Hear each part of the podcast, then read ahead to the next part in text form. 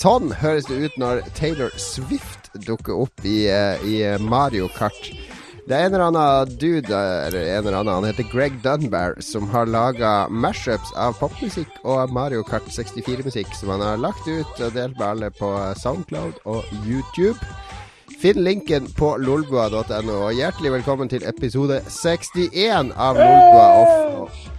Forrige gang så ble Lars så utrolig sur når jeg, når jeg sa at vi hadde nådd IQ-en hans i antall episoder, så nå tenkte jeg skulle kompensere og si nå har vi nådd Lars sitt antall eh, seksualpartnere i episoder. Oi, det var Ja, jeg vet ikke om det var Er, det, er sånt eh, fortsatt et kompliment i disse politisk korrekte tider? Er det noe som gutta går rundt og skryter av fortsatt, hvor mange de har lagt ned? Jo, nå når vi har Fifty Shades of LOL-spesial, så jeg må jo være litt vågal og si at her er vi Jo flere, jo bedre. Innenfor temaet, innenfor temaet. Helt, eh, helt klart. Eh, Vi har, vi har ikke noe tema, egentlig, men når jeg sitter og lager Når jeg tenker det er Lolbua XX, altså hva skal være Jeg må jo ha en undertittel. Ja, men eh, det er jo ingen tvil om at eh, det som har prega nyhetsbildet de siste dagene, har vært eh, den, eh, etter hva jeg hører, den strålende spillefilmen 'Fifty Shades of Grey'. Det er Fifty Shades-feber i Norge, det kan vi si. Jeg vet ikke om det er noe reell feber, er det egentlig det? Er det så veldig mange som er interessert i å se den filmen, eller er det bare at sex genererer klikk? Du, eh, du jobber jo i, i ikke en tabloidavis, det skal ikke jeg si, Lars, men, men Ja. dere har hatt Fifty Shades-saker, og de går vel som varmt hvetebrød? Uh, ja, den mest populære saken as we speak, for jeg dro fra jobb for mindre enn en time siden, var Fifty Shades of Grey-relatert. Et spa hadde kjøpt opp en hel visning, 400 billetter. Gikk eh, rett opp på topp bare vi skrev et lite fnugg om eh, sex. og Valgte jeg selvfølgelig et bilde med litt hud, men det er litt skuffa over de som eh, promoterer Fifty Shades of Grey, fordi pressepromosida der nesten ingenting bilder som minter om sex. Hva er det for noe? Det er jo amatør. Er, det, er ikke det på, på, på pressesiden deres? Ja, det er den der Filmweb-mediasida, ikke sant. Der, Ja, ja, ja, den har jeg vært på mange ganger før. Ja. Ingenting. Så vidt. Så vidt litt hud. Det måtte jeg jo veldig, men det var ikke noe Det er sikkert sånn amerikanske pressebilder, vet du. Der tør de ikke ha sånne vågale ting. Ja, det er en amerikansk film. Oi, oi, oi. Ja. Da er den kanskje ikke så hot uansett. Men er det noen av oss som har tenkt å se det? Jeg, jeg, jeg snakka faktisk med kona mi om det i går, om, eh, om Fifty Shades, for da så vi den traileren. Og så gikk jo fra Det så jo bare så utrolig kjedelig ut, da. Jo, men er det ikke litt sånn eh, Er det ikke bare sånn Pulp Fiction hele greia? Er det ikke sånn Sånn Pulp, eh, det med Pulp Fiction? Nei, altså ikke som filmen Pulp Fiction, men som konseptet Pulp Fiction. Sånn kiosklitteratur. eh, Ja, sånn hus, husmorsporno husmorsporno er, ja. er vel en, en, en litt sånn ukorrekt betegnelse, kanskje. Ja, sånn eh, isfolket Anna Anno eh, 2014. Leste dere, eh, leste dere noe Isfolket, forresten? Eh, Jeg fikk stjele et blikk i bestemors eh, greie for lenge siden på 90-tallet, og jeg ble jo sjokkert. Det var sånne nakne troll med gigantpeniser som for og voldtok noen sånne damer. Det var jo helt kaos. Det var, det var sånn, eh, hva heter det, sånn her anime, sånn her vill eh, japansk sex... eh, Urutsuku crazy. Dojin. Ja, det var det der eh, Urutsuki Doji, eller hva det heter. For gamlinger, eller damer. Jeg leste aldri Jeg foretrakk eh, ishockeyfolket. Det syns jeg var et mye kulere folk. Den var god. Det Mye var kølle god og bløt. Men fra ishockeyfolket og Fifty Shades er, Det er ingen av oss som kommer til å se den. Uh, nei. Ja, og vi får ingen penger fra Universal eller hvem det er for å snakke om filmen. Det ville vært rart hvis de tok kontakt med Lolbua for å snakke om Fifty Shades of Grey. Vi skal aldri Vi har høy takhøyde for å, for å bli for å, vi, Alle kan få lov å kontakte oss med forespørsler om eh, å pitche ideer. For all del. Men jeg ville blitt overraska. Og så ville jeg sagt ja, det kan vi Hvem godt. tror du ikke Hvem tror du har flest kvinnelige lyttere av oss og uh, våre fiender i Spillmatic? Eh, Spillmatic de blander hiphop og spill. Altså, de treffer jo bare gutta, tenker jeg da. Ja, ja, tror du det? Hiphop-miljøet, det er mye damer som henger rundt Og det er en del eh, jenter der, men de hører de på gutta som prater om spill. det, akkurat der tror jeg nok at, at de kommer til gå, kort, ja. Um, Bra du ikke nevner Radcrew, fordi der tror jeg de har flest damelyttere. De har jo damer i redaksjonen. De har damer i redaksjonen. Kan vi få uh, en av oss hver uke til å være i parykk uh, for å få opp kvinneappellen? Eh, jeg holder jo kort, eh, veldig, eller håret mitt veldig kort, sånn at jeg eventuelt kan gå med parykk til enhver tid. Det er derfor så. vi har så lite kvinnelige lyttere, fordi dere har for lite hår. Det er jo yes. forklaringa. Jo, men det er vel ikke noen sammenheng mellom at kvinnelige lyttere tiltrekkes kvinnelige programledere? Altså, du vil vel heller se en film med, med dame i enn med bare menn i, vil du ikke det? Eller? Jo, jo, selvfølgelig.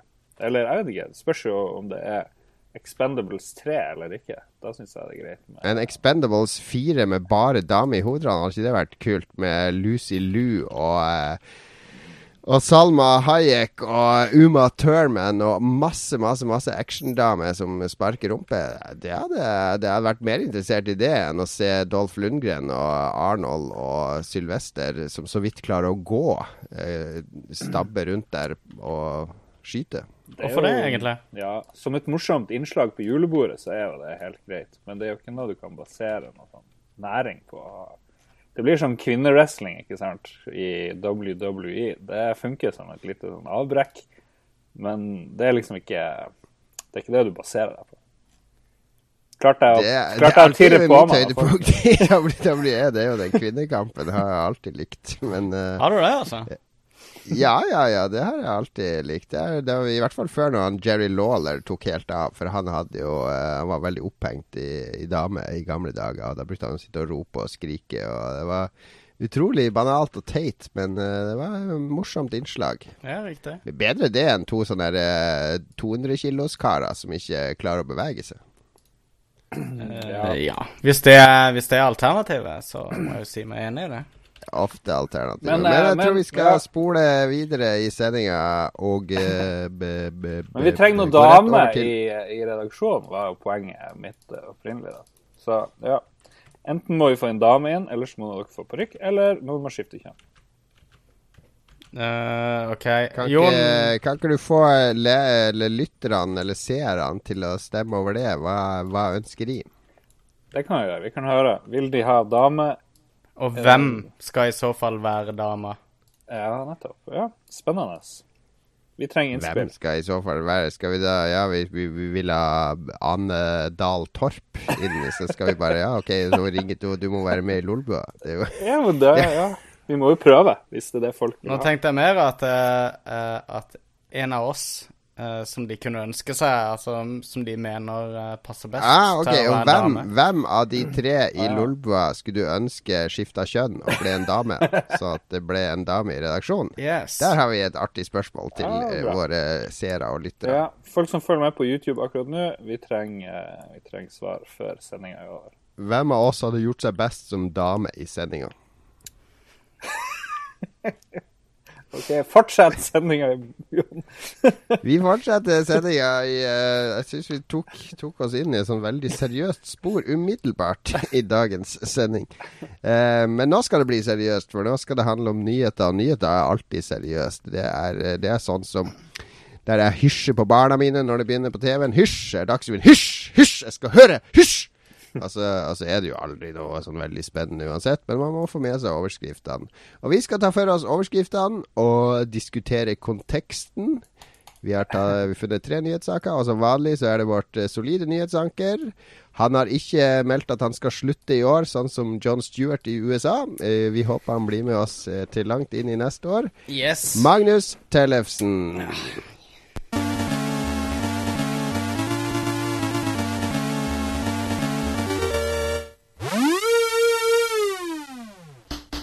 Ugreit for Godus. Spillutviklerlegende Peter Molyneux er i hardt vær for tida etter at hans kickstarter-finansierte spill Godus ser ut til å drite en lang marsj i masse som ble lova i finansieringsperioden. Vinneren av Curiosity-spillet til Molyneux, som ble lova en prosent av inntektene til spillet i premie, har så langt ikke sett et rødt øre til pengene. Spillpresset er for tiden ute med høygafler og fakler rundt Molyneux slott i Guildford. Har den gamle skrønemageren endelig levert én skrøne for mye? Oi, oi, det her har jeg fulgt med en del på i dag, fordi de engelske pressen er jo, eller spillpressen med Rock Paper Shotgun og Eurogamer og flere andre i spissen, de eh, Nå er det tunge kanoner som fyres av mot Molyneux her. Yes. Ja, det er en veldig bra sak på Eurogamer, blant annet. For du har med Ja, han de, der de hadde intervjua han som vant uh, det der uh, teppespillet. Husker du det spillet som, som kom på iPhone, der man skulle teppe løs på en kube? Ja. Og kom helt inn til midten. Og han som kom helt til midten, han skulle få en sånn life-changing uh, belønning, og, og det var ikke måte på. Og det var en video av, av Peter Molyneux som sa at han skulle bli en sånn gud da i det Godus-spillet. Han har fortsatt ikke fått bli den der guden, fordi den, eh, den multiplayer-delen av Godus, den funker ikke. Og den funker ikke fordi at det er ikke noen combat-del mellom spillerne i spillet. Og ifølge han som utvikler spillet Altså De var jo et team på sånn 15 stykk som lagde det her spillet. Og nå er det to stykk som, som Molyneux har satt til å jobbe med Godus, mens de andre jobber med et annet spill. Eh, og han, han som er hovedutvikler på Godus nå, han var en av uh, kickstarter-karene, da. Han putta 2000 pund, tror jeg, i det spillet, for han hadde så troa på det. Og så når det begynte å komme og sånn, så var han litt sånn skuffa, og så fikk han jobb som Fikk sånn praksisstilling da hos 22 Cans for å jobbe med Godus. Han jobba gratis for de et år, og nå, får han jo da endelig lønn. Men nå er det han som liksom er sjefutvikler for spillet, sammen med en annen dude. Og så slapp Molyneux i en sånn video, det er den som har spåna alt det her, der de skal svare på alt som Så alle de Godus-spillerne er jo rasende, fordi det, det funker ikke på PC, det kommer aldri på Linux, og ingen av de funksjonene som er lova, er der. Og den videoen er fantastisk, fordi der, der sitter Molyneux liksom og snakker de der eh, vanlige flos, flosk... hva heter det? Altså det er pretensiøse tullet sitt, og, og, og og så ser du de andre, de sitter nærmest og himler med øynene. Han der som faktisk lager spill, altså prøver å dra det ned på jorda og sånn. Det, ja, nei, det blir nok ikke sånn. det, ser ikke, det, det, er sånn, det er en forferdelig pinlig video, da. Og det, den, den har vært bensinet på bålet her nå, da. Så, så Molyneux han blir skikkelig avkledd nå. Han har jo litt blitt avkledd for for lenge siden. Ja. ja. Jeg, jeg, jeg har litt sansen for Molyneux. Jeg vet at han lyver. Jeg har alltid hatt sansen for Molyneux. Han var jo en sånn gud i de gamle Edge-bladene, husker du, da vi Ja, leste ja. på 90-tallet. Alle sånne Molyneux Han ble intervjua og kom med meninga si om alt. Og han hadde ofte mye fornuftig å komme med, syns jeg, da. ja, ja. Jo da. Men, men de siste årene har han jo fremstått mer som en sånn der, eh, sånn der eh, Snake Oil-selger i Ville Vesten. Ja, men jeg, jeg så jeg, jeg husker ikke hvor jeg så et intervju med han der han på en måte jeg, tok seg sjøl litt i forsvar på akkurat det der. Og sa at eh, altså, jeg er en av de der idéfolka. Jeg er en sånn type som ikke klarer å holde kjeft i intervjuer. Og jeg har en haug med ambisjoner. Så eh, det er bedre at jeg kommer med en haug med, med sånne ville ideer, enn at jeg slutter liksom å drømme, mener han da. Ja, men det- er også, tror jeg Det er, det er gøy når du er 20-30 år, men nå når han er såpass gammel, så tror jeg han er mer sånn Han er like mye ideer og sånn, men den gjennomføringsviljen tror jeg kanskje lakker Det lakker litt på. Har ikke Molyneux alltid vært gammel, egentlig? Alltid sett gammel ut. Litt av problemet er vel at han kunne godt gjøre de her tingene når han var finansiert av Microsoft, eller hadde Eller Electronic Arts, eller hva nå enn det var. Så nå er han eh, selvstendig næringsdrivende og har startet sitt eget selskap. Det er sikkert han som må gjøre veldig mye av det administrative og ditt og datt. Da går det selvfølgelig helt, helt på ræva, tipper jeg, dessverre. Men det, det det, er- har han jo gjort lenge, da. Det gjorde han jo lenge før eh, Microsoft kom inn i bildet, og, eh, og han har drevet med det ganske lenge etterpå. Jo, jeg vet jo at han drev sjøl, men mot slutten de siste 10-15 årene, så var han vel siden Da hadde han vel den kreative rollen, ikke sant. Han kunne Ja, riktig. 24-7, tipper jeg. Så han må vel ha en Han bør ha en sånn fyr sånn som George Lucas hadde, han der eh, Kurtz, eller hva han het, som var produsent. Og med en gang han forsvant og han skulle lage de nye filmene, så gikk det bare rett på ræva. For da fikk han en skikkelig elendig produsent som ikke klarte å holde han i tøylene. Ja, riktig. Sånn jeg ser det. Det er helt klart en, en type du vil holde et lite stykke unna mikrofonen. I hvert fall uh, i, uh, første to tredjedelene av utviklingsfasen, sånn at du spillet begynner å ta litt form idet du slipper liksom Molyneux løs i spillpressa. Uh. Men han har fått en, en, en, alvorlig ripe i lakken, i hvert fall. Det spørs om han kommer tilbake til gamle høyder etter det her. Og i hvert fall ikke via noe sånn kickstarter-greier. Det, det, løpet tror jeg er kjørt for han nå. Vi snakker jo om en mann som har eh, en av de beste falske Twitter-kontoene der ute. Med en ja. som bare sitter og pitcher helt idiotiske spillideer, som egentlig er ganske smarte, uh, i hans navn. Så uh, altså Jeg, jeg syns ikke så veldig synd på de som har trodd på Peter Molyneux 100 uh, på at Hva? Lovde, eller holdt ikke Peter Molyneux alt han lovde i en utviklingskontekst? Det var helt nytt for meg. Der tror jeg publikum må ta litt selvkritikk også. Nei, er, Vi bruker ofte å frustrere oss over eh, Eller gjorde jeg før når jeg dro på mye sånne presseturer, er at det er sånn veldig sånn ramme innenfor det de kan prate om ofte når du ser spill tidlig. Altså Vi kan bare vise det og det, vi kan bare prate om det og det. Vi kan ikke si noe om det og det. Ikke Molyneux. Nei, det var aldri sånn med Molyneux, men uh, det her det er kanskje en, en, Altså, jeg klager alltid over det der med at jeg ikke fikk si ting, men at det var en del av markedsplanen, ikke sant, fordi ting skulle annonseres da og da og da og da i, sånn her, i, i en sånn sti framover, da, ja. for å få maksimalt med PR. Men det er også en annen fornuftig ting til å ikke si for mye om spillet ditt, og det er at da slipper du å ro deg så langt ut på havet at du ikke lenger ser land. Mm. Fordi til slutt har du tatt deg så mye vann over hodet med hva du har tenkt og høyt rundt spillet ditt. Så man, ja. det er en god idé å holde kjeft helt til du har noe Helt til du ser uh, lyset i tunnelen. Det er, høres fornuftig ut, ja. Aldri ro så mye at du får vann over hodet. Syns det var et godt ordtak. Det er visdomsord fra LOL-buen. Mm. Vart du skremt nå? 27 år gamle Joshua Peters og hans 60 000 Twitter-tilskuere fikk forrige uke opplevd swatting live, da politiet plutselig banka på døra med pistolene klare. Det var Peters ti år gamle lillebror som åpna døra. I en video forteller Petersen med gråtkvalt stemme at swatterne kunne ha ført til at tiåringen kunne ha dødd. Lars Loller. det var eh, Jeg ble litt lei meg når jeg så den videoen. Ja, det var trist å se på. Men uh, altså Denne swatting-greia er helt grusomt. Jeg, jeg, håper politiet slår superhardt ned på alt de kommer over av muligheter til å ta folk på det der. Det var en nå nylig, var det ikke det som ble tatt, og, og nå risikerer ja. opptil fem års fengsel, var det det? For å men det er visstnok uh, unntaket. Mm, det, er, det er en sånn fake nyhetshistorie om en kid som fikk mange års fengsel, som ja. alle tror er ekte. Ja, jeg så bare Det var noen som refererte til det i forbindelse med denne saken her. Da. Ja, I Las Vegas. Jeg har sett flere som har referert til den i denne saken. Men hva ville du si, Lars? Nei, Jeg skulle bare si at det er visstnok veldig vanskelig å finne tak i de som gjør det her. Fordi de skjuler hvor de ringer fra på et eller annet vis. Og da er det jo ingenting du kan gjøre, egentlig. Det de gjør, er at de holder et sånn håndkle over telefonen når de ringer.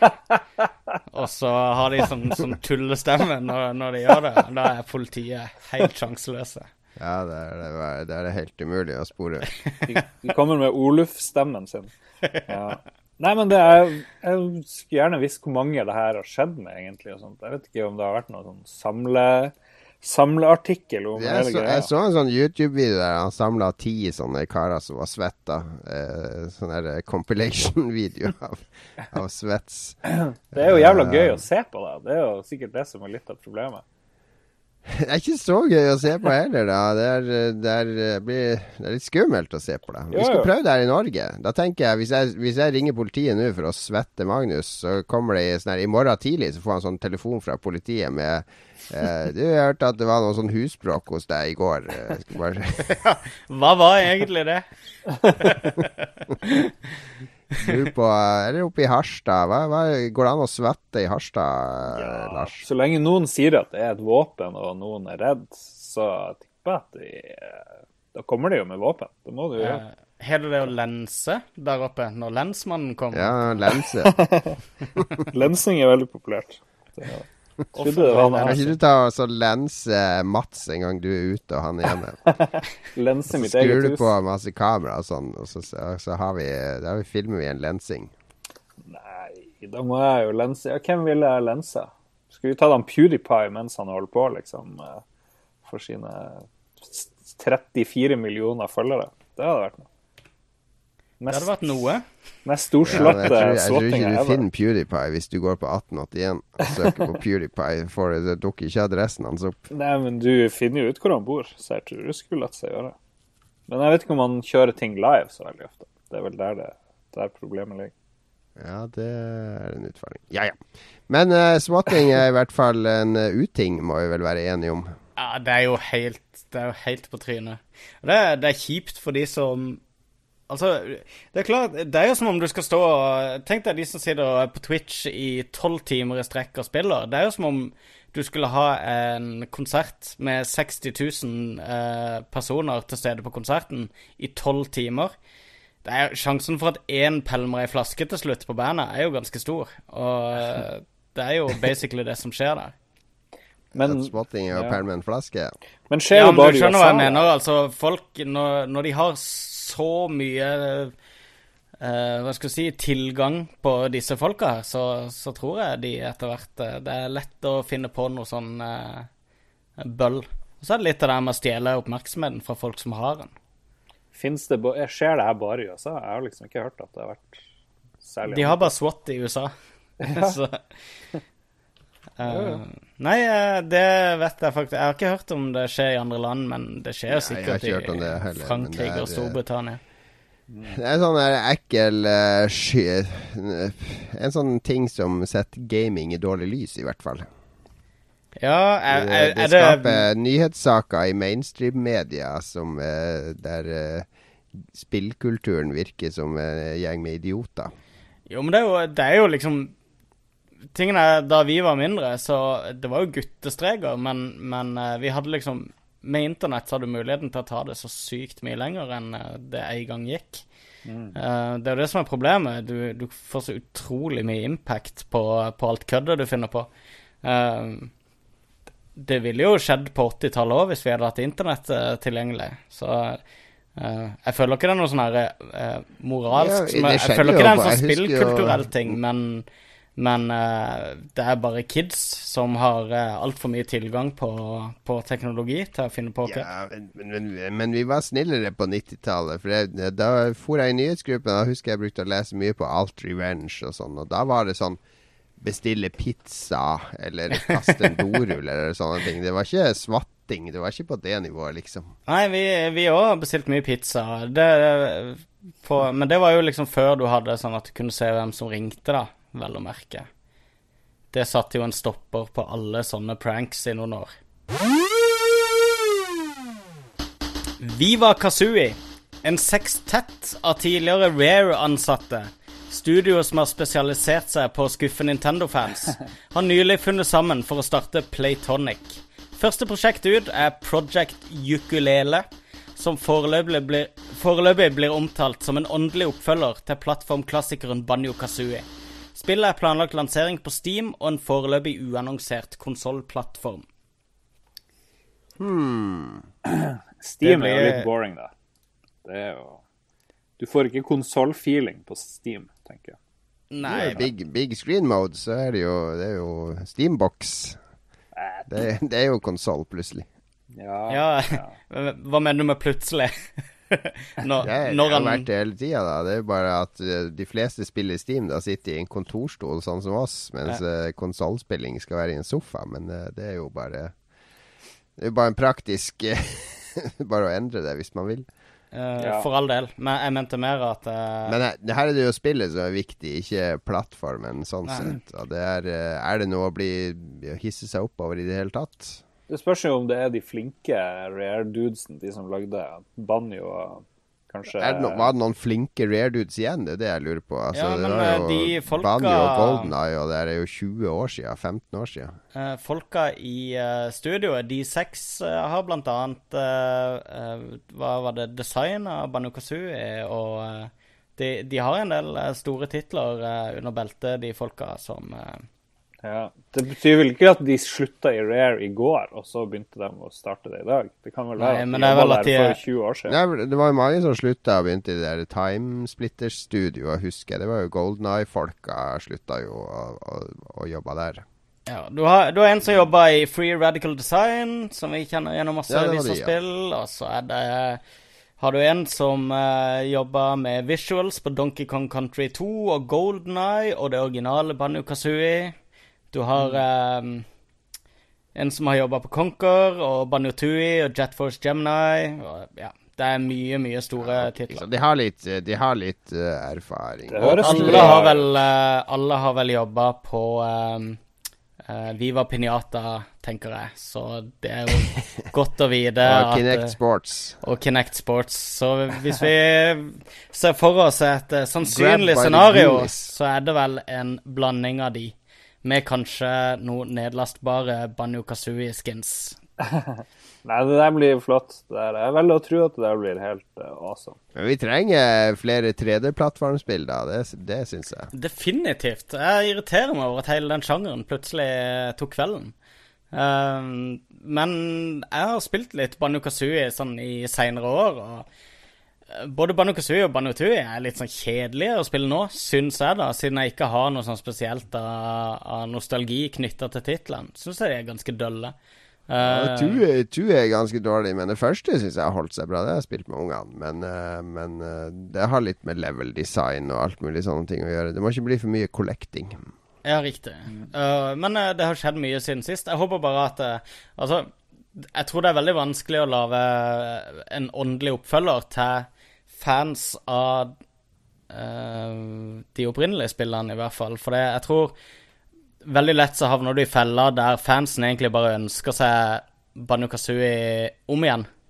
Uh, Det det, er helt riktig. Og det at de pitcher det som en åndelig oppfølger i det hele tatt det er For det første er det veldig smart, fordi det får eh, oss til å snakke om det. Vi hadde aldri snakka om et uh, Playtonic uh, 3D-plattformspill eh, som ikke var hekta på den kroken, fordi det hadde ikke hatt noe pitch inntil oss. ja. Men så er jo bare ulempen er jo selvfølgelig at nå skaper de umiddelbart bilder i hodet på, på alle som leser om det. Ja. Ja, men du ser jo det at uh, det skjer jo nesten konsekvent at folk som prøver å hente opp i en gammel storhet uten å gjøre det om totalt, uh, ender opp med å feile. Og fansen er superkonservative, så det er, det er liksom Du har stort sett valget mellom å tilfredsstille de der 30 erkekonservative hardcore-fansene av Nintendo 64-klassikeren, eller, eller et nyere publikum som egentlig ikke har et personlig forhold til Banjo og Kazooie. Sier du at det er en lose-lose-situasjon? Ja, egentlig. Eller jeg, jeg tror at eh, hvis, hvis de skal lykkes, så må de feile hos uh, hardcore-fansen, eller omvendt. Det kommer litt an på om de vil ha eh, liksom kred eller, eller gå i null. det er vel stort sett det det har gått i tidligere. Ja ja. Gleder vi oss? Nei Jo, jeg, jeg gleder meg eh, så sant det kommer på en konsoll. Eh, som sagt, så det kommer på en eh, foreløpig uannonsert plattform. Jeg håper inderlig det kommer på eh, en, uh, en konsoll på denne generasjonen her. Og jeg, som jeg sier, jeg er jo sultefora på, eh, på 3D-plattformspill. Så jeg, jeg gleder meg uansett til å spille et 3D-plattformspill. Det er ikke så viktig for meg at det er en åndelig oppfølger til Banu Kazooie. Jeg spår at det blir Wii U. Det tror jeg. Det tror jeg er ganske innafor. Kan bli, kan bli, kan Men, bli. eh, Hvis du sultefòrer på, på et 3D-plattformspill, så anbefaler jeg å ta en titt på Grow Home. Ja, det kikker jeg litt på. Som har fått lysende omtaler, og som jeg så vidt har begynt å spille. Og det, der går vi egentlig ganske naturlig over i neste spalte. For nå skal vi nemlig snakke om hva vi har spilt, eller i deres tilfelle hva dere har sett. For det er ikke alltid vi spiller. Noen ganger så ser vi, og noen ganger så leser vi, og noen ganger så lytter vi. Og noen ganger så spiller vi. Men før vi kommer dit, så nyter vi litt musikk. Eh, Det er Keiji Yamagishi, eh, Ninja Gaiden-komponisten fra NES-æraen, som har laga en ny plate. Og her hører vi 'Drifting Love'.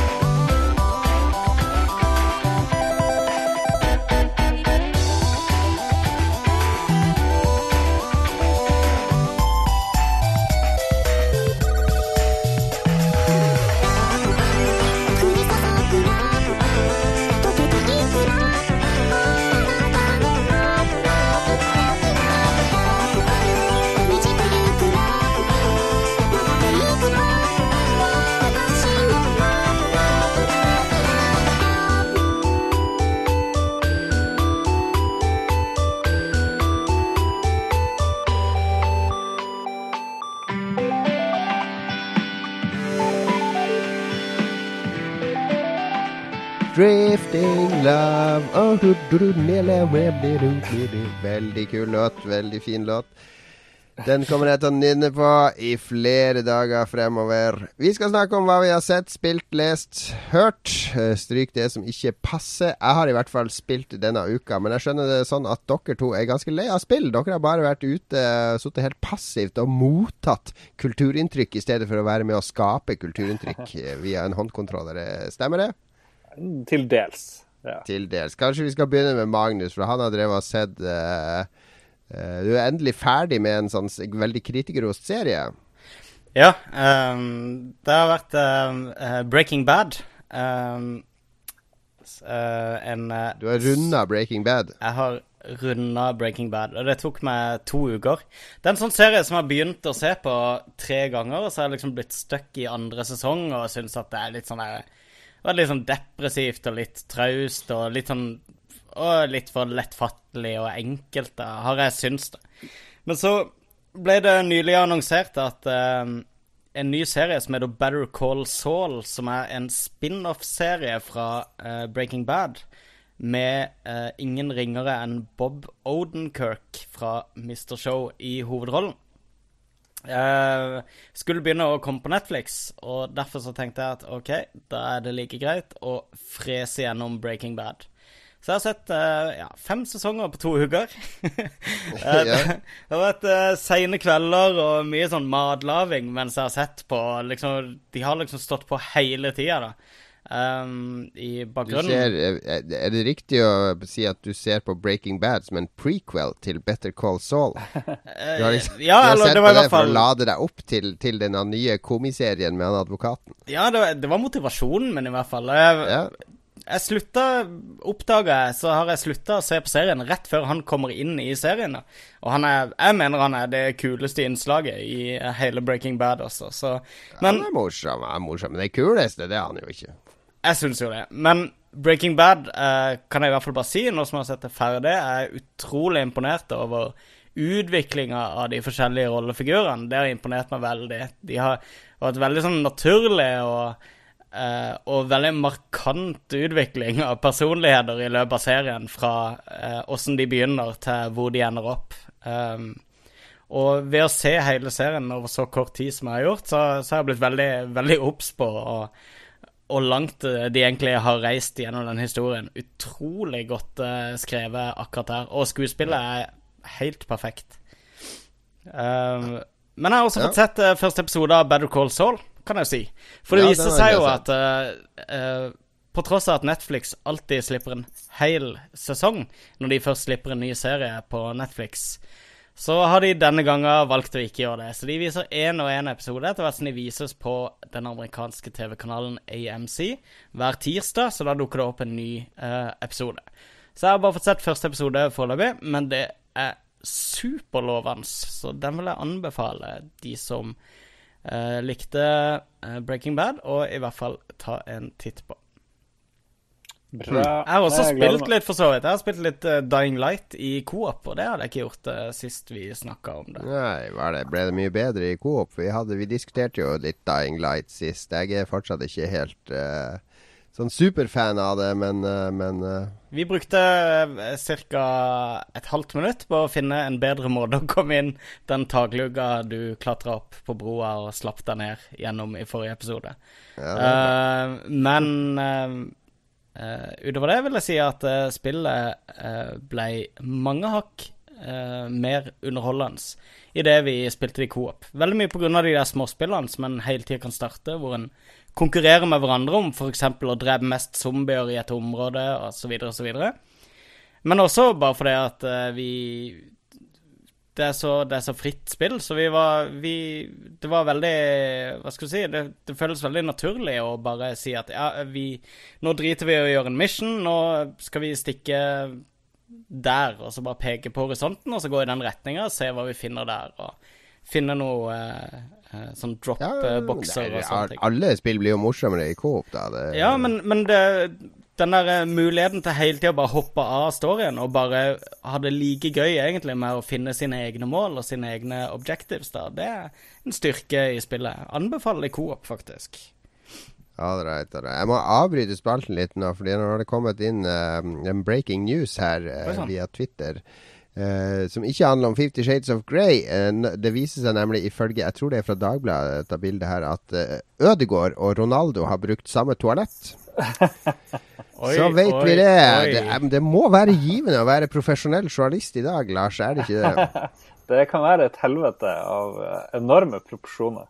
Det, Jeg skjønner, jeg skjønner. Men du skal få glemme alle dine journalistsorger nå, så kan du få snakke litt om hva du, hva du har du har, du har ikke spilt, du har sett eh, film du i det siste. Jeg har ikke spilt noe så mye at jeg gidder å si noe om det. Så, eh, men jeg har sett mye film.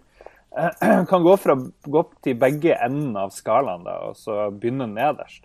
Og se for, dere, se for dere to timer med sammenhengende diaré. Det er liksom Mm. uh, opplevelsen av å være på Jupiter Ascending, som jo er en sånn uh, Vertsjovskij-entitetene sin nye film, hvor de har det er, ja, det er 200 han- millioner kroner han på. og hun. Ja, hun har, han har Ja. skifta kjønn. Og, Ja, ja, hun Lana Warszawski heter ja. nye. Men eh, i hvert fall, de har blitt dårligere og dårligere å lage film. Det er helt sykt ja, de hvor er, de, de er tulla seg inn i sin egen lille boble, tror jeg, der de ikke finner veien ut. De lagde Matrix 1, og så gikk det bare i dass. Ja, de lagde jo Før Matrix Bound 1 så lagde de jo den der, eh, Ja. der mafiafilmen Bound. mm. Veldig med hun Jennifer Tilly og sånn. Den syns jeg var egentlig ganske kul. Litt sånn erotisk mafiafilm. Ja, den var Riktig. flott. Det var Fifty Shades of, eh, drepe mafiabossen. Ja, mye bedre enn Fifty Shades of Grey, garantert. Ja, så den, den anbefaler jeg. Men i hvert fall Jupiter Ascending, som det er ikke noe vits å forklare hva den handler om, fordi det, det, det har ikke noe å si, liksom. Det, jeg, husker, jeg husker ingen film hvor, hvor så mange har ledd hånlig av det som skjer på lerretet i en Og det her var kinosal. i kinosal. Ja, det var dessverre i kinosal. Jeg ble lurt med av uh, min leieboer Mats, som visste at det her var noe drit, men han bare Nei, jeg må bli med. Jeg bare, ja, ja, OK, kanskje den er bra. Og så bare hørte jeg liksom etter hvert ved siden av meg Å nei, drep meg, drep meg. Og så ble det bare verre og verre. Men så var det liksom noen ganger så morsomt og teit at du bare måtte le. Men fy fader, jeg har ikke sett en så dårlig film på lenge. Det er i hvert fall science fiction. Gir ingen mening. Alt er bare teit. Alt er bare ufattelig dårlig. Men um, det er nesten som Jeg tenkte underveis Oi, kanskje det her er liksom første kalkunen jeg ser. Sånn ekte kalkun jeg ser i Men er 2015. det, det høres ut som hvis, hvis det er sånne eh, eh, impulsive rop fra salen og sånn, at det her har fundament for å bli en sånn der uh, kultfilm. Altså Ja. en sånn film man kan se i fellesskap med, Ja. med innøvde reaksjoner og kommunikasjon mellom publikum og lerret. Har, har den det potensialet? Ja, den har egentlig det. For den er så mye opp og ned og hit og dit og rare ting. Og syke kommentarer som ikke gir noen mening. Nei, det er flott. De snakker om ting som tydeligvis De aner ikke. Skuespillerne står bare og sier sånne ting, og du bare ser at de bare «Eh, ok, what's Er det, så, det er som Peter Dinklage i Destiny. Bare, bare les det her. Ja, men hvordan skal jeg, hva, hva skal jeg føle? Bare les det. Det var sånn film som når du hadde sett den, så måtte du se noe annet og bra for å liksom glemme uh, at du hadde sett den her uh, Jupiter Ascending. Men ja, ja, nok om det. Har også sett Birdman, en av de her favorittene til Oscar. Han, Ja, det er eh, den med han, eh, Michael han Keaton, første Batman, er det ikke det? Ja. Michael Keaton. Michael Keaton, han som er en sånn da, avdanka eh, skuespiller. Han spiller litt seg sjøl, da. En fyr som hadde stor suksess som Birdman, ikke Batman, da. okay, okay, Ok, tida. ok, ok. Så det er det det spiller på. da. Og så skal han, for å hevde seg sjøl i karrieren, sånn, skal lage han et, et Broadway-stykke hvor han sjøl finansierer mye av handlinga. Og eh, det er samme cinematograf som uh, den her Gravity. Så den ser veldig, veldig bra ut vel. ser veldig veldig bra ut. Mye cinematiske triks. Det er liksom en glede å følge kameraet uh, hele filmen. Jeg skal ikke røpe nøyaktig hvorfor, for den her er en film som jeg vil anbefale alle å se. Uh, og det Artig. foregår kun rundt det her uh, teatret, det her Broadway-stedet hvor dattera hans er, og han driver og har seg litt med noen av skuespillerne, og så eh, dukker det opp eh, mindre og bedre skuespillere, og så prøver de å lage den der forestillinga. Han, eh, Edward Norton er med, han er sinnssykt bra der. Og så er jo der Zoe et eller annet. Det er. Chanel. Ja. Hun er ikke så bra i den her, faktisk, syns jeg. Men, Ja, ja, ja. men i USA så er det her liksom the new shit, og folk bare går helt av skaftet. Og mener at det her bør vinne beste film eh, på Oscar. Og jeg skjønte det lenge, og så får den en liten sånn dupp. Det blir kanskje litt for overtydelig og for et, sånn eh, emotional etter hvert for min smak, da. Den hadde lenge en sånn Robert Altmann-feeling, nesten litt. Men så bare hopper den, eller den går over en eller annen grense og blir litt sånn too much. Sånn. Ja, ok, ok. Men det, det er sånn det foregår, alt foregår på Broadway og sånn. Ja, altfor.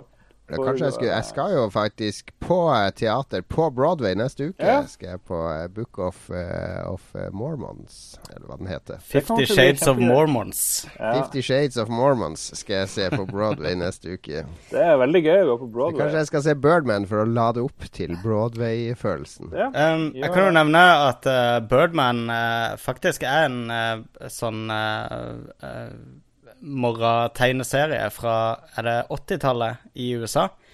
Som uh -huh. uh, Adult Swim har lagd uh, det jeg tror jeg vil regne som min favorittanimerte Ja, det er han advokaten, han Harvey Birdman. Harvey Birdman, Attorney at Law. han er jo også i PSP-spillet, kjenner du? Jo, jeg har det også. Og We-spillet. Uh, hysterisk morsom Han er voice av Stephen Colbert, er ikke det? Stemmer ikke det? Nei, men sjefen hans er det. Sjefen hans Ja, Stephen Colbert. det ja, det, det er sjefen som, er, som har så dårlig syn. ikke? Ja, han har en eh, øyelapp, og er derfor ingenting Jeg har sett det, faktisk. Det er en av de få tingene som Magnus har anbefalt til meg, som jeg gidder å se. Ja. Men det Altså, treffer alltid når jeg anbefaler noe. Det er bare du sjekker det aldri ut. Er men- tid, tid, vet du, Magnus. Jeg driver og ser eh, Colombo nå fra sesong 1 til sesong 7, så det er ikke så lett å skvise inn alt det nye greier. Det er sånn jeg sier til Jon Cato. Du må sjekke ut det, du må sjekke ut det. Og så sier han sånn Nei, jeg Sånn sesong 7 av West Wing. Så, What Det- the den har jeg fuck? Så det er Men, ikke men rart at kanskje du- vi skal gå tilbake til dataspill nå, karer. Fordi Ja. jeg har faktisk spilt spill. Sånn som vi, det som vi egentlig skal snakke om her. Jeg har spilt eh, Jeg holder på med, med Monster Hunter 4 nå. Og uh, Monster Hunter-serien, for de som ikke kjenner den, den begynte jo på, på PlayStation 2 og PSP. Eh, ble veldig, veldig veldig svær i Japan, eh, spesielt på PSP, fordi folk eh, møttes med PSP-ene sine og spilte sammen i lag på fire. Gikk på raid, Lars, sånn som man gjør i Destiny.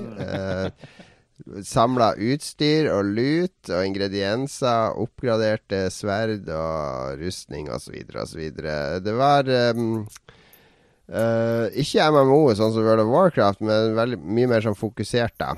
Eh, og spillet har egentlig vært det samme i alle iterasjonene, bare pussa og skjerpa og nye scenarioer og nye våpen og nye monster og enda bedre og enda bedre og enda bedre. Og jeg spilte en del Monster Hunter 3 som kom på Wii og, og DS, eh, der du kunne transfere karakteren din mellom. Det var ganske kult, da, fordi da kunne jeg spille hjemme på Wien, og så kunne jeg ta karakteren min med meg ut på DS-en og ta noen quests på T-banen. Og så når jeg kom hjem, så bare sendte han tilbake til Wien og fortsatte der. Men Monster Hunter 4 er kun på 3DS. Og det funker egentlig veldig bra. Det er mitt favoritt-Monster Hunter så langt, definitivt. Jeg har putta sånn tolv timer ned i det allerede. Og grunnen til at det er kult, er at uh, det, det har litt av det Destiny-greia med at du har en karakter, og du skal bygge han ut. Eh, men du har, ikke, du har ikke sånn klasser, da. I stedet så har du 12-13-14 sånn ulike våpentyper. Og våpentypen bestemmer deg hvordan du skal slåss. Eh, hvis du f.eks. har en hammer, den er veldig treig, men veldig kraftig. Så du må, eh, ha, du må tilpasse spillestilen din etter det våpenet du velger da. Og innen hvert våpen så er det jo selvfølgelig 30-40 våpen du kan lage eh, varianter av det våpenet da. Som har litt sånn forskjellig power og forskjellig skade, men alle kontrolleres helt likt, da. Og du kontrollerer det jo helt direkte, da, så at jeg må, jeg må lage komboer. Nå driver jeg med longsword, da, så er, det er sånn seks-syv ulike komboer da, som jeg kan gjøre med det våpenet. Det er ikke sånn 100 komboer på hvert våpen, ellers hadde jeg aldri gidda det. Men det er en seks-syv.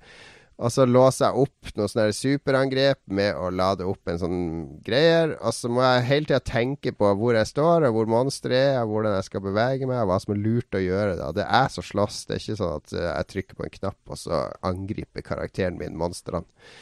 Det krever mye sånn der fingerferdighet fra min side. At jeg må posisjonere meg riktig, angripe i riktig retning, rulle unna, blokker osv. Og, så og lære meg atferden på monstrene og sånn. Men det jeg liker aller best, er jo det som mangler i Destiny. Det der med at jeg kan spille målretta. Jeg kan se på wikien det sverdet vil jeg ha. Hva trenger jeg for å å lage de tre foregående sverdene som går opp til det sverdet. Jo, jeg trenger de og de og de ingrediensene. Hvilke monstre er det som har de ingrediensene, og hvilke planter sånn er det jeg trenger å, å, plukke for å finne det. Og så kan jeg legge ut på min egen quest ikke sant, for å få det monsteret. Målretta finne ting, og bruke sikkert uh, noen dager kanskje en mm. uke på det, og så får jeg det, det våpenet til slutt. da, Via mitt eget arbeid som jeg legger inn i, inn i spillet. Og så er det multiplayer-spill-del, og den har jeg ikke fått spilt ennå, da. Men den var helt suveren i Monster Hunter 3 når det funka. Nå har det visstnok blitt mye lettere å gå i gruppe, og folk sitter på Skype og snakker sammen mens de spiller og sånn, for det her er jo Nintendo nullkommunikasjonsgreier der man skal peke og bruke gestures og sånne ting. Så jeg gleder meg veldig til å spille online. Jeg skal snart inn i LOL gruppa og høre om det er flere som spiller Monster Hunter, og om vi kan teame opp. Fordi på, på treeren så spilte jeg et par ganger med, med Erik Fossum fra, fra Dagbladet, eh, som, som, drev med den New Game-satsinga og sånn der. Veldig veldig kult multiplayer-spill. For det er fire stykker som går sammen om å bekjempe monster. Og så har man også sånn at man skader hverandre, da. Så man må være, være litt forsiktig, da. Spesielt jeg som har longsword. Jeg må ikke ta sånne rundangrep hvis de andre står i nærheten, for da treffer jeg de og, og så videre. Så. Det er et kjempekult spill. Det er 3DS uh, eh, System Seller. Litt sånn høy terskel for å komme inn i. Det er mye å lære, mye å sette seg inn i. Men velg deg ett våpen. Uh, sverd og, og, dolk er lettest å begynne med. Og bli flink med det, og så kan du begynne å eksperimentere. For det er noen helt absurde nye våpen her. Det er blant annet sånn herre stav med insekter i. da Det er et av de nye våpnene. Så du, du, du slår med staven, og så kan du sende ut de insektene for å, å suge blod ut av monsteret, som du da tar med tilbake til deg for å gi deg eh, forskjellige typer boosts. Mm. Uh, og, ja, det, det, er veldig veldig gøy. Det er utrolig gjennomført. Det, er, uh, det har humor, og det tar seg ikke sjøl så, så sinnssykt seriøst alltid. Uh, de løpeanimasjonene og sånn er litt sånn teite slapstick-greier, men men det har en sånn sammensetning som gjør at det funker. Og det er utrolig gøy å spille, ligge alene og ta quests og, og bare bygge seg opp. Ja. Mm. Det er vel det, det, høres kult ut, det du sier. Men er det, er det veldig grindete, føler du, eller er det variert og eh, Nei, det er jo en, Du går ikke opp i level sjøl, da, men det har jo utstyr som du hele tida driver og trakter etter. Men ja, det er ikke mer grind enn at enn du gjør det til sjøl, på en måte. Ok. Altså Hvis du vil ha de mest eksklusive våpnene, de er jo selvfølgelig Da må du på sånne multiplayer quests og få det mest eksklusive lutet og sånne ting. Mm. Uh, det tar, det tar jo tid, men du kan få Det er vel så viktig at du er flink til å spille og rulle og slå uh, enn en noe annet. Altså, en god spiller med dårlig våpen er mye mer effektiv enn en dårlig spiller med det beste våpenet. Ja, det er en kul ting. Um, mm. Jeg har aldri spilt noen av Monster Hunter-spillene, men uh, for meg har de alltid virka litt sånn statiske. Litt sånn Virker som du egentlig bare er ute og gjør det samme hele tida. Sånn catch them all. Uh, Uh, du gjør litt det samme hele tida, men det som er kult, er at den, den uh, faunaen, er det det heter når det er monster og, og dyr? Ja. Den faunaen er veldig gjennomtenkt. De har litt sånn kul atferd, og spesielt de store monstrene du jakter på. Det er sånn, Du kan hogge av vingene til et sånn flyvemonster, så blir det sånn bakkemonster. Og, og, de trekker seg unna og rømmer, og du må forhindre det. Og hm. det er ganske mye dynamikk og mye dybde i det. Det høres ut som min favorittspill ville vært en kombinasjon av Monster Hunter og Destiny. Hvis du kunne ha ja, skyting Det er en del av Destiny, eller av Monster Hunter i Destiny, bare at de har ikke De har ikke to Altså Greia med Monster Hunter er at det tar litt tid å komme seg inn i. Og Det er det som er det bra og dårlige med Destiny. At det tar jo ingen tid å komme seg inn i. For det er jo bare å løpe ut og skyte, og så skjer det ting. Og så gjør du ting med en gang. Og det er egentlig ganske lett å få oversikt. Mm. Destiny skulle vært mye mer komplekst enn det egentlig er. Hm.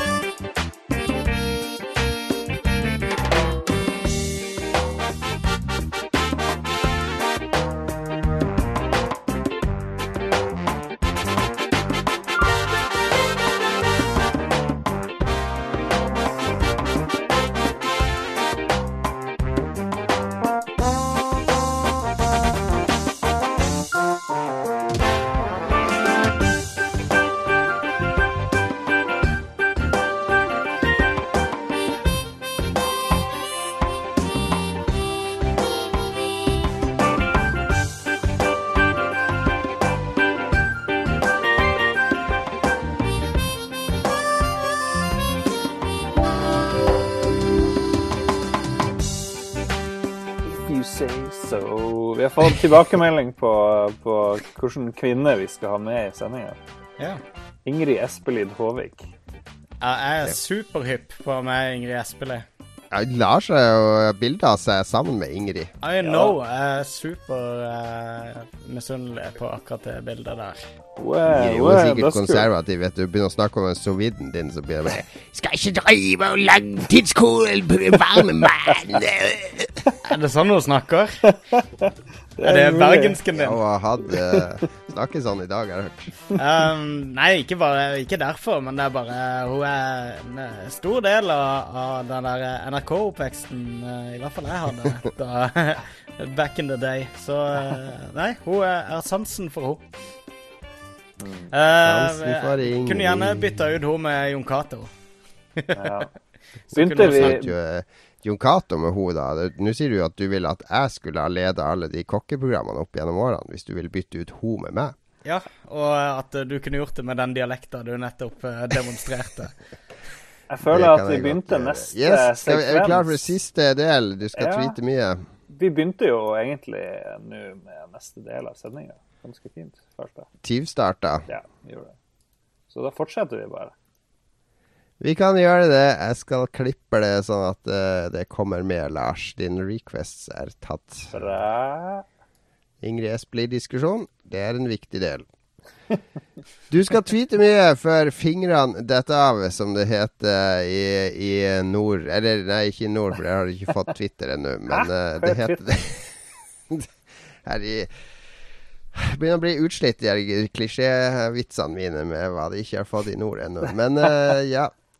Twitter er, et, eh, er en kilde til mye morsomt og mye frustrasjon. Mye klaging. Jeg syns folk klager så mye i sosiale medier. Klaging på køer og snø og mørke og skiløpere. og Må spre litt mer glede i Twitter, syns jeg. Ja, Gi folk muligheten til å uttrykke seg med ei setning, så har de bare sutring å komme med. Det er så mye sutring. Sånn der, eh, jeg så en som klagde i dag på at eh, VG ikke hadde anmeldt Slipknot-konserten han var på i går. Men du var jo på konserten, hadde du ikke? Hvorfor skal du hva du skal ha bekrefta hos VG? Ja. Det der Nok har jeg heller aldri skjønt. Hvorfor skal du lese en anmeldelse av en konsert du allerede har vært på? Nok om det, nok om det. Jeg har plukka ut fire tweets. Fire tweets uh, som, uh, som jeg tenkte er tidsaktuelle, eller eh, bare interessante, eller ting som vi kan, kanskje kan diskutere. Det fikk jo god tilbakemelding på denne spalten og innførte den første gangen. Dette er vel egentlig den eneste spalten som jeg faktisk har klart å gjøre til en spalte, for alt annet har bare vært sånn engangsinnslag som jeg aldri har fulgt opp og gjort noe mer av. Men nå har jeg laga en ny eh, Du skal tweete mye. Jeg har fortsatt ikke laga noe vignett til den. Jeg lover å gjøre det til neste gang hvis det blir en tredje gang. Satser på det. Vi skal høre da fire tweets, og den første kommer fra at stay is here, eller stay current Curran, som han heter. Uh, Ste han er uh, programleder på One Life Left, som er en av mine favorittspillpodkaster. Det var også han som var Red Eye i Edge i sin tid, hvis du husker han, uh, Lars. Ja. ja. Han husker jeg også. Han var i Edge-staffen i mange år. Eh, Han var vel med i den perioden i Edge der på midten av 2000-tallet, når de hadde det coveret av han der gameren som ville ta livet av seg med en pistol. 'Are video games dead?' tror jeg de skrev da allerede i 2005. Når de, eh, når de sjøl var så deprimert av alle førstepersonsshooters og alt. Han, eh, han er i hvert fall ganske morsom. En Norgesvenn. Han har vært i Norge og Hamar flere ganger og holdt foredrag. Eh, så ja, vi kan høre hva han har å si her på Du skal tweete mye.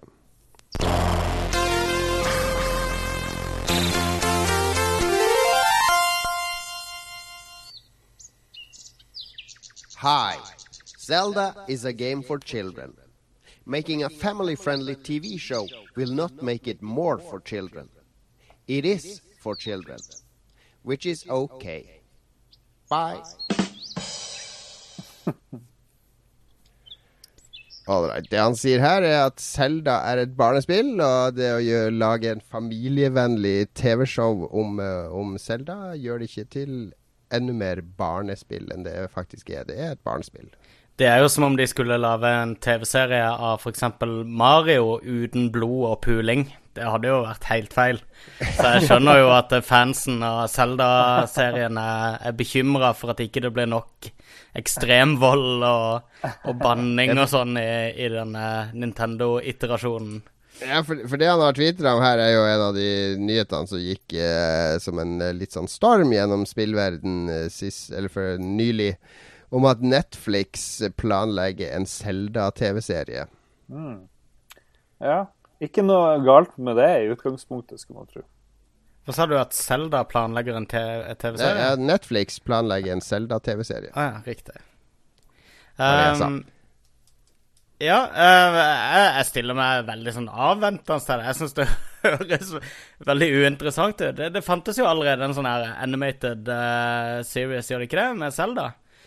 Som det ble lagd en sånn her veldig ja, memete Jo, det finnes noe, noe, som ligner, men eh, det, den her har vel ikke noe manus ennå, og målet er å lage en sånn mer familievennlig Game of Thrones-greier med Selda som en slags ramme. Og det er helt kurant, det, men det, det sted her du vil skrive om, det er vel all denne Zelda-fansen på vår alder som nå sitter og er livredd for at det skal bli noe sånn barne-TV, i stedet ja. for den derre modne linken med, med øreringen uh, jeg, som vi så på Spaceworld-demoen i 1998, som, som, de må ha for å, for å bekrefte overfor seg sjøl at de spiller et seriøst og ordentlig voksenspill.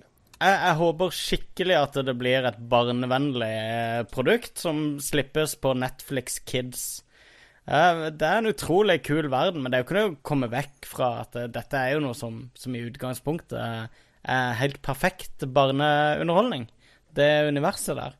Det er jo laga for barn, og det er jo derfor ja. vi liker det. Fordi at vi vil jo ikke gi Ingen av oss har jo gitt slipp på barn i, i, i oss. Altså Nei, Vi klarer å kose oss med det barnlige. Merk at det er stor forskjell på barnlig og barnslig vi, vi, vi, klarer å få Vi har kontakt med barnet i oss, og det er jo det vi liker med Selda. Vi vil jo ikke ha Selda mørkt og dystert og Dragon Age-problematikk inn i Selda. Du skal jo ha det eventyret med prinsessa og Ganondorf og Ja, jeg syns det høres helt topp ut. det. Tenk å få høre masse Selda-musikk og dit og datt. Det har vært konge. Prinsesser springer rundt, og Epona og Litt sånn der uh, Londo Ranch og whatever. Det passer helt supert i en sånn animert. Det hadde vært veldig kult om de lagde det som en tegnefilm i, uh, i Windwaker-stilen. da. Ja, det hadde vært helt topp.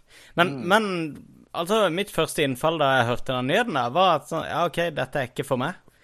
jeg håper det blir bra. Jeg håper kidsene koser seg med det, men uh, det blir liksom litt sånn som det er Star Wars Clone Wars, den der uh, dataanimerte Star Wars Rebels som går nå. Er det det, som går nå, ja? Ja, det er den nye nå. Den er også ganske barnevennlig. Men ja. den er morsom også, for, for, Altså, det handler om å lage en ting for familien. Tenk på Pixar, ikke sant. De ja. lager ting som treffer både deg, Magnus, som er en barnløs eh, snart 40 år gammel eh, mann. og det treffer meg, som er eh, barnepappa, og det treffer barna mine. Det er det som familiegreier er. Det er Carl Barks. Han kunne tegne Donald-serier som traff både barn og voksne, men det er fortsatt for barn. Altså eh, Pixar-filmene ja. er fortsatt laga for barn. Ja, jeg, jeg så jo uh, nylig denne Big Hero 6, denne nye Disney-animasjonsgreia. Ja, og, og uh, der satt jeg under hele filmen og liksom satt og hissa og irriterte meg og satt og hakka på filmen og sånn. Mens Kristine hadde ingen forståelse for at jeg ikke bare kunne si at ja, men dette er jo Det er lagd for unger, dette her. Kan du ikke liksom jekke kravene til plottutvikling bitte grann? Men, men, det har litt med akkurat det du sier, da. At uh, mesterne innen den sjangeren, de er i stand til å, til å kommunisere noe til begge aldersgrupper uten at noen liksom føler seg utelatt. Men akkurat der, jeg, jeg, jeg, føler ikke at dette trenger å være det for at det skal være en sånn vellykka Zelda-satsing på Netflix. Nei, nei men, men, jeg vil si Zelda-spillene klarer det. De snakker både til voksne og barn. Ja, det gjør de. Men det er jo akkurat som du sier òg, at de snakker til barnet i det. Uh, og der du Jo, litt, men de snakker også til kom, kom, completionisten i den voksne der, ikke sant? Han som skal alle stjernene og fylle alle hulene og alt det der som barna kanskje ikke klarer. Ja, ja jo. Ja, kanskje. Det dere sa tre ganger i hver setning, det var jo snakke.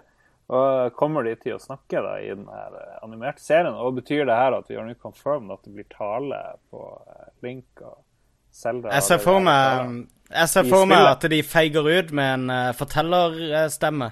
Som, uh, som, legger inn stemmen til Link. Jeg tror det betyr at vi får tale i nye Zelda-spill. Det, det fins tale i ett Zelda-spill. Det aller viktigste spørsmålet som skal besvares, er hvem skal spille Tingle?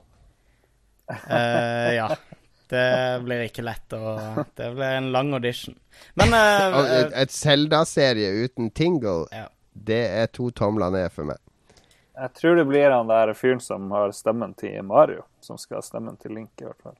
Han er Charles oh! Martinet. Opsidi, oh.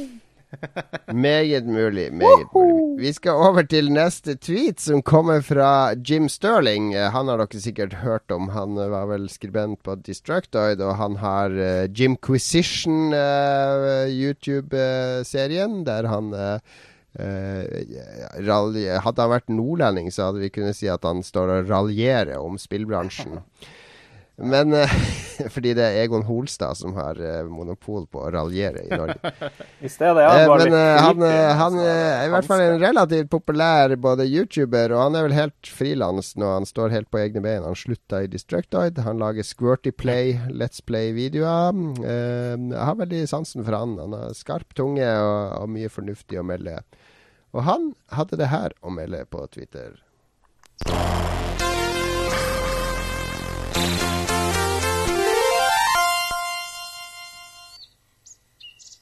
Remember to use blood and not ketchup when transferring data to your new 3DS XL. Otherwise, the ritual will create a vegetarian console. En meget bløt vits der uh, om at man må bruke blod og ikke ketsjup når man skal overføre data til sin nye 3DS-konsoll. Uh, uh, og uh, fundamentet for hele den dårlige vitsen der er jo at for Jeg har en new 3DS. Jeg vet ikke om dere har fått dere en ennå? Jeg har ikke gidda. Ok, jeg har en new 3DS, og når jeg fikk den, så skulle jeg selvfølgelig overføre dataen fra min gamle 3DS XL, fordi der Jeg kjøpte et 32 GB SD-kort til min gamle 3DS XL i sin tid. Fordi du får plass til sinnssykt mye spill på et 32 gig-kort. Jeg har jeg kanskje 20 sånne uh, Nintendo-spill pluss en 20 sånne uh, små uh, virtual console-spill, og enda mye plass igjen. Så jeg skulle selvfølgelig overføre alt det, da. Så viste det seg først og fremst at den nye 3DS-en støtter bare micro-SD, da. Så det første jeg måtte gjøre, da var å bestille et micro-SD-kort på nett. Og så fikk jeg det noen dager etter. Da, men da hadde jeg allerede spilt litt på den nye 3DS-en med det kortet som var i, da. Og så skal jeg begynne sånn overføringsprosess. Og det er Du må På den gamle 3DS-en så må du først eh, si fra at du skal overføre eh, eierskap Eierskapet mitt ligger liksom lagra i 3DS-en, da. Så jeg skal overføre meg sjøl til en ny 3DS, må du gi beskjed om der, da. Så må den opp på nett og verifisere det på en eller annen server. Og så må du gå på den nye 3DS-en din og gå på nett og gjøre det samme. Mm. Og så kommer en sånn omfattende overføringsprosess der det går en masse pikmin fra skjerm til skjerm og bærer systemdata og alt mulig annet. Det tar en seks, syv, åtte minutter.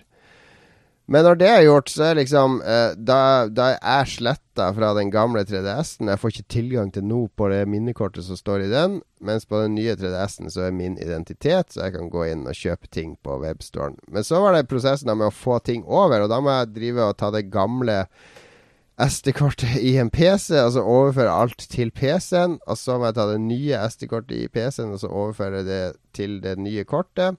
Og så må jeg skru opp baksida på den nye 3DS-en, for det er ikke noe SD-card-slott sånn som det var på DS-ene før.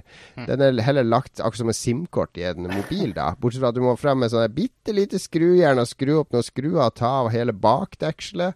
Og så må du ta ut det SD-kortet som står i, og sette i det andre, så må du skru alt på plass igjen en utrolig omfattende prosess til å være i 2015.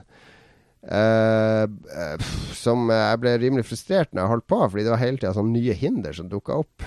Og også det der Jeg ga opp det der å overføre alt på minikort i det hele tatt. Jeg bare Jeg bare satt i det nye minikortet og så lasta jeg ned alt på nytt. For det kan, får du faktisk lov til å gjøre fra Nintendo Storm. For det går, det går mye fortere å laste ned på nytt enn å overføre fra, mellom de minikortene. Det, det, det, tar sånn her, Jeg tror det tar to timer for fem gig med data, liksom. Men eh, ja, jeg tenkte om Jeg har liksom ikke gidda, for det var jo sånn skjemavelde òg for å få den nye 3DS-en, hvis jeg husker rett fra de mailene jeg fikk fra ja, ja, Nintendo-greien. Så det var liksom, til og med der stoppa det for min del. Men eh, For jeg tenkte også, det er ikke noe vits å ha den nye driten. Men det er kanskje det. Det er vel noen spill som bare funker på den nye 3DS-en? Uh, ja, den store der, Den har kraftigere prosessor, uh, både grafikk og vanlig prosessor, så at online-funksjonene er mye mye kjappere. Ja. Nettbutikken og last ned og sånne ting. Men også grafikkprosessoren er bedre, så at det er ganske stor forskjell i grafikken på uh, f.eks. Majoras Mask og Monster Hunter. Det er mye bedre skygge, det er skarpere teksturer det er, eh, det, er, det er, distinkt forskjell, faktisk, på de spillene som funker på begge. Men det eneste spillet som kun skal virke på den nye, er det Xenoblade-spillet som kommer i mars-april. Så sånn sett er det ikke sånn essensielt, men det er en mye bedre konsoll. Det er det. Men skjermen er jo fortsatt 400 ganger 240. Altså, det ser jo ut som dritt i forhold til, uh, til en iPhone. Ja. ja, ja. Nei, men OK. Det, det da følte jeg meg ikke så teit ved å ikke få den her nye. det. men jeg burde jo sikkert gjøre det. Det er ja, Nintendo-greia. Det, er så mye slit å få ting fra Nintendo. Men, men, det er den der uh, Nintendo online-greia. Fordi Microsoft og de, de har jo tingene oppi en sånn uh, sky.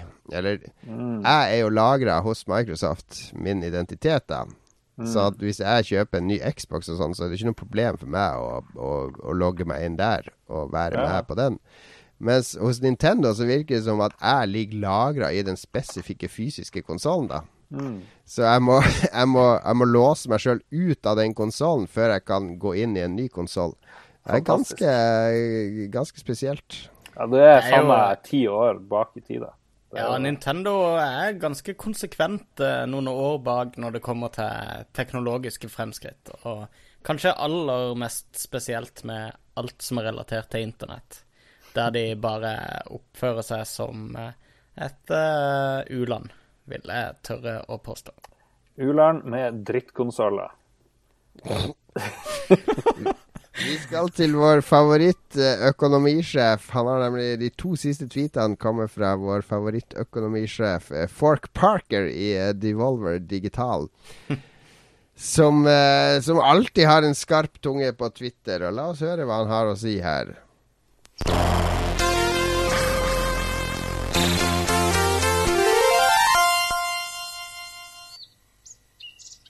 These virtual reality goggles are the dusty rock band guitars of tomorrow.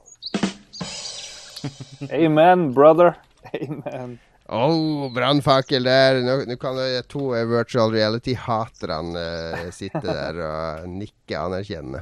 Ja, ja det, det, er vanskelig å si, da. For det, det, er liksom ikke første gang vi er introdusert for 3D eh, og virtual reality. Så og det har vel aldri vært så mye oppslutning om det som det er nå, så hvis det skal skje, så føler jeg det er nå det vil skje. Mm. Uh, jeg men, skjønte ikke hva han tweeta om i det hele tatt, for mine rockband-gitarer samler ikke noe støv, men uh...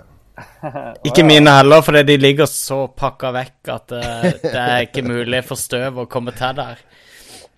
Men jeg har jeg lånte Oculus Rift for noen uker siden, og det prøvde jeg to uh, dager. Og så har de ligget her nå i to uker oppå en hylle her og samla støv. Så det, det er faktisk uh, Jeg følte meg veldig truffen uh, av den tweeten der. Ja, jeg har jo hele tida holdt en knapp på dette her med at og Ved å sette det veldig på spissen med å si at hvis jeg ikke kan sjekke mobilen når jeg har de på, så er jeg ikke interessert.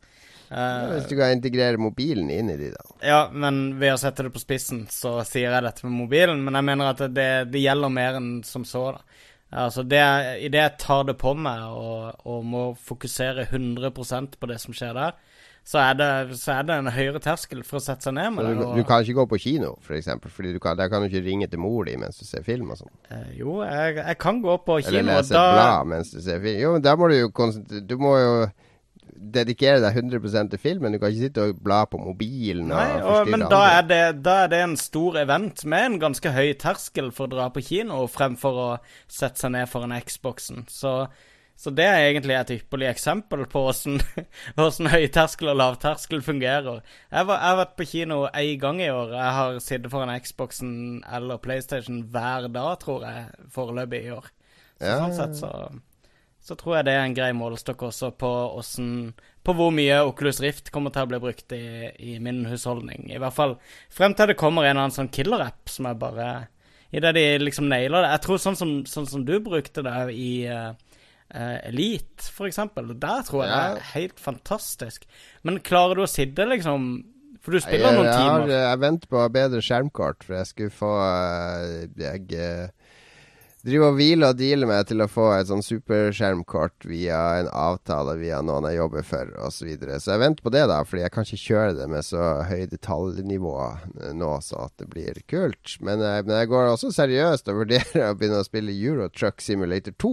For den er også veldig, veldig bra. Oculus Rift-integrering. Og det å sitte og kjøre lastebil og se rundt, der er eh, Fy Men faen. Men hvor lenge takler du å sitte med de der brillene på før du liksom føler for å ta Nei, det deg en vet pause? jeg ikke. Jeg har ikke prøvd å sitte med de så lenge, så det får vi se. Jeg har bare prøvd denne demoen med berg-og-dal-bane, og dette her og Det holdt, det, altså. Da var jeg litt sånn klar for å ta de av. Det var litt sånn klamt og Ja, men De er egentlig ganske dårlige demonstrasjoner i forhold til de der, eh, der du sitter i cockpit. da men, eh, men vi får se. Eurotruck Simulator, forresten. Jeg satt og så sånn 20 minutters video fra her om dagen, fordi de lager jo Skandinavia nå.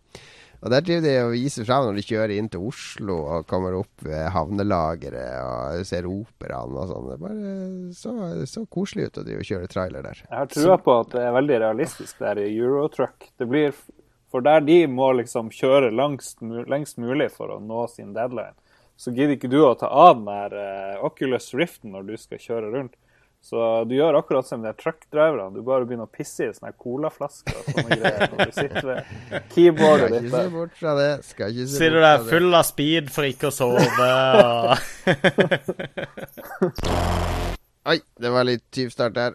Vi har en siste tweet fra Fork Parker før vi gir oss for i dag. Den kommer her og nå.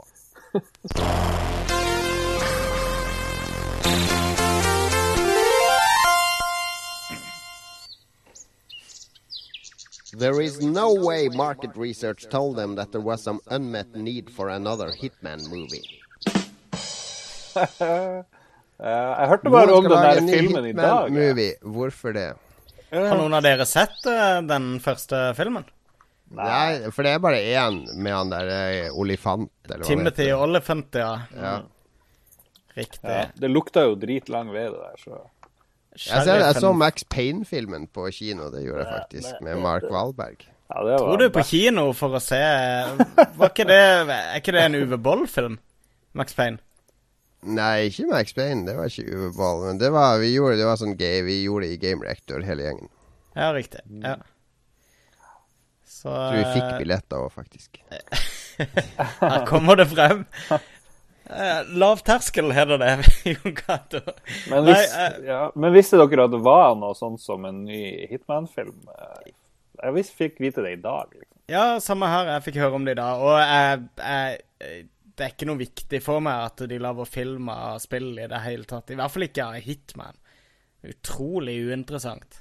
Eh, jeg likte det forrige Hitman-spillet, eller jeg likte åssen de la opp storyen på og sånne ting, men, men det er jo et sånt univers som bare ikke fenger meg i det hele tatt. Det er ikke noe jeg, jeg tror kanskje den World of Warcraft-filmen kan bli kul, fordi at jeg vet at Blizzard er flinke til å skrive story, men heller ikke der så er det så viktig for meg å filmatisere World of Warcraft, eller Warcraft-universet, egentlig. Det er liksom disse her eh, når de, Det er som å lage spill av film. Jeg liker like corny som å lage film av spill. Ja, nei, det er vel ingen Jeg, jeg fatter ikke hvem som egentlig har lyst på en ny Hitman-film i det hele tatt. Men det, det er jo Det er vel kanskje disse kidsa som sitter og, og gjør at det kun lages superheltfilmer nå, og Marvel-filmer, og Spiderman skal være med, osv. Det er jo, det er jo en eh, takras av uh, ungdomsfilmer som dominerer nå, er det ikke det? De skal jo lage Civil War. Shut up! Det er det kuleste som har skjedd på mange tiår med Jo, superhelter. hvis tegneserien er bra, så holder vel det, da. Jo, men dette her er jo en måte å gjenfortelle det på en helt ny måte. Du må lese rundt 120 forskjellige tegneserier for å få med deg hele Civil War. Uh, og Og det skal de koke ned til to filmer. Jeg håper det blir flere, men eh, jeg mistenker de for å gjøre nettopp det. Eh, Det høres ut som en dårlig idé, spør du meg. Men jeg, ja, vi snakka litt om det her i Lolbua-gruppa, fordi jeg syns jo Jeg syns det var veldig kult når Marvel-filmene først kom, da, fordi de tok tingene sine seriøst, og det var mange referanser til de opprinnelige seriene og sånn. Men nå virker det som alle bare lager over samme eh, lest. Altså, de Alle er like, og de er sånn slikk eh, plastikk McDonald's-følelse på alle sammen. De, det er ikke jeg, jeg, jeg, alle heltene det, det, de mangler personlighet og stil og sånn som det hadde i serien, syns jeg. Men den forrige Marvel-filmen som kom, hva var det? Uh, jeg vet, Gud vet. Winter Heroes Nei, of the Guardians Galaxy. of the Galaxy. Nei, Guardians of the Galaxy, mener jeg. Ja, ja, ja. Ja. Den, var, den var kjempekul. Men den, er jo, den passer jo ikke inn med de andre filmene som skal liksom henge sammen. Men de prøver jo desperat å få den til å være en del av det også, Den da. passer ikke inn, for den er altfor god til, Ja. til de andre filmene. Og fordi Nei, men, de eh, ikke det- tok seg det sjøl seriøst, om- ikke minst. De, jeg syns de tar seg sjøl så seriøst i filmene. Du har liksom Mm. Robert Downey jr. som kan slenge litt med leppa, men ellers så er liksom alt er sånn tungsinn og, og det. Jeg så den der Captain America Winter Soldier for to måneder siden. Jeg husker ikke en dritt av filmen. Nei, men Captain America-filmene syns jeg har vært uh, ganske dølle. Men jeg syns Captain America er en ganske døll superhelt. Jeg har inntrykk av at eh, han nok appellerer mest til det amerikanske publikummet. Uh, Kanskje, kanskje. Uh, men ja, det er jo en grunn til at han fire-traileren jo ikke noe, var jo ikke noe kul i det hele tatt. Hva sier du? Eller, jeg vet ikke om det er Marvel, eller er det Marvel som har de nå? Uh, som har Fantastiske fire. Ja, er det ikke det? Ja, for det var det kom, det var en trailer, og den var ingen som var imponert over i det hele tatt. Nei, riktig. Eh, men jeg tror grunnen til at de har satsa litt på Captain America For Marvel er jo dritlei av han. Uh, jeg tror grunnen til at de har satsa på han med et par filmer, er for å eh, bygge han opp frem til Civil War. For der er han supersentral, og der er han skikkelig kul. Og viktig for storyen. Ja, det kan Um, godt hende. Det kan godt hende. Jeg har Men, lyst til å ja. Nei, bare fortsett. Jeg skulle bare avspore. Jeg kan godt slutte å snakke om Marvel, men jeg, jeg liker veldig godt åssen de filmene glir inn i hverandre, da, og åssen det liksom det, jeg, jeg liker at det er en fellesnevner i filmene som på en måte forteller at det, dette skjer i den, det samme universet. Dette, dette er ting som blør over i hverandre. Dette får konsekvenser i, i andre historier du vil høre om andre superhelter osv. Jeg syns det, er- det er en smart måte å fortelle det på, og, og helt, helt unikt i, i eh, sånn filmsammenheng, så vidt jeg vet, i hvert fall. Det er jo utrolig mange som digger de her eh, Marvel-filmene, så det er jo et eller annet. Jeg skal ikke si at det er feil. Men um, jeg har lyst til å se Sersjant Norge, se om det hadde slått bedre an. Eh, Men det er en film jeg kan anbefale for folk som liker litt sånn her, eh, superheltaktige greier. Det er jo den der John Wick med han, eh, Keanu Reeves. Den er faktisk ikke så verst. For de som vil ha litt sånn Punisher-aktig greie, så funker, funker den ganske bra. Sinnssykt mye kul skyting. og Han har uh, brukt sikkert en måned på å lære seg alle movesene som han skal gjøre når han drar rundt og skyter og sparker folk. Den, er, den funker. Popkornunderholdning. Det skal sjekkes ut. Ja. John Wick. Mm. Yes, det var uh, Har vi noe mer vi skal ta opp, da? Eh, Jeg kan si som et apropos til akkurat det vi har snakka om, at uh, i dag så ble det lansert den aller første såkalte Netflix-tjenesten for bokbransjen. Eh, nei, for tegneserier. Eh, der Nå husker jeg ikke navnet på hvem det er som starta det, men eh, der eh, flere titusener av tegneserier vil bli tilgjengelig for eh, eh, et månedsabonnement på 10 dollar. Blant annet rundt 20% av alt Marvel har sluppet, og det er en andel som skal øke i fremtida. Veldig Wow. kul, eh, kult uh, initiativ, syns jeg. Bra. Mm. Ikke verst. Nei. Det var det vi hadde for uh, denne gangen i episode 61 av Lolbua. Uh, neste uke skal jeg til uh, New York, så vi må spille inn mandag. Men det regner jeg med går bra for mine kolleger. Ja, det må vi få til. Ja. Greit. Bra, bra, bra. Så skal jeg ha med fyldig reisereportasje fra New York, der jeg skal uh, dra med meg en masse Amibo-figurer. Altså stå og pushe de utenfor uh, Nintendo-storen i New York, fordi Amibo uh, Amibo er ettertrakta i USA. De, de, har, de har en sånn helsikes masse sånne eksklusivitetsavtaler med at bare Target har den, og bare GameStop har den, osv. Så, videre, og så, videre. så folk som skal samle, de, de river seg sjøl i håret hver måned der borte. Mm. Jeg skal i hvert fall bort og lodde eh, besøke Nintendo Store og gjøre litt andre ting i New York. Så jeg opplever sikkert noe morsomt der.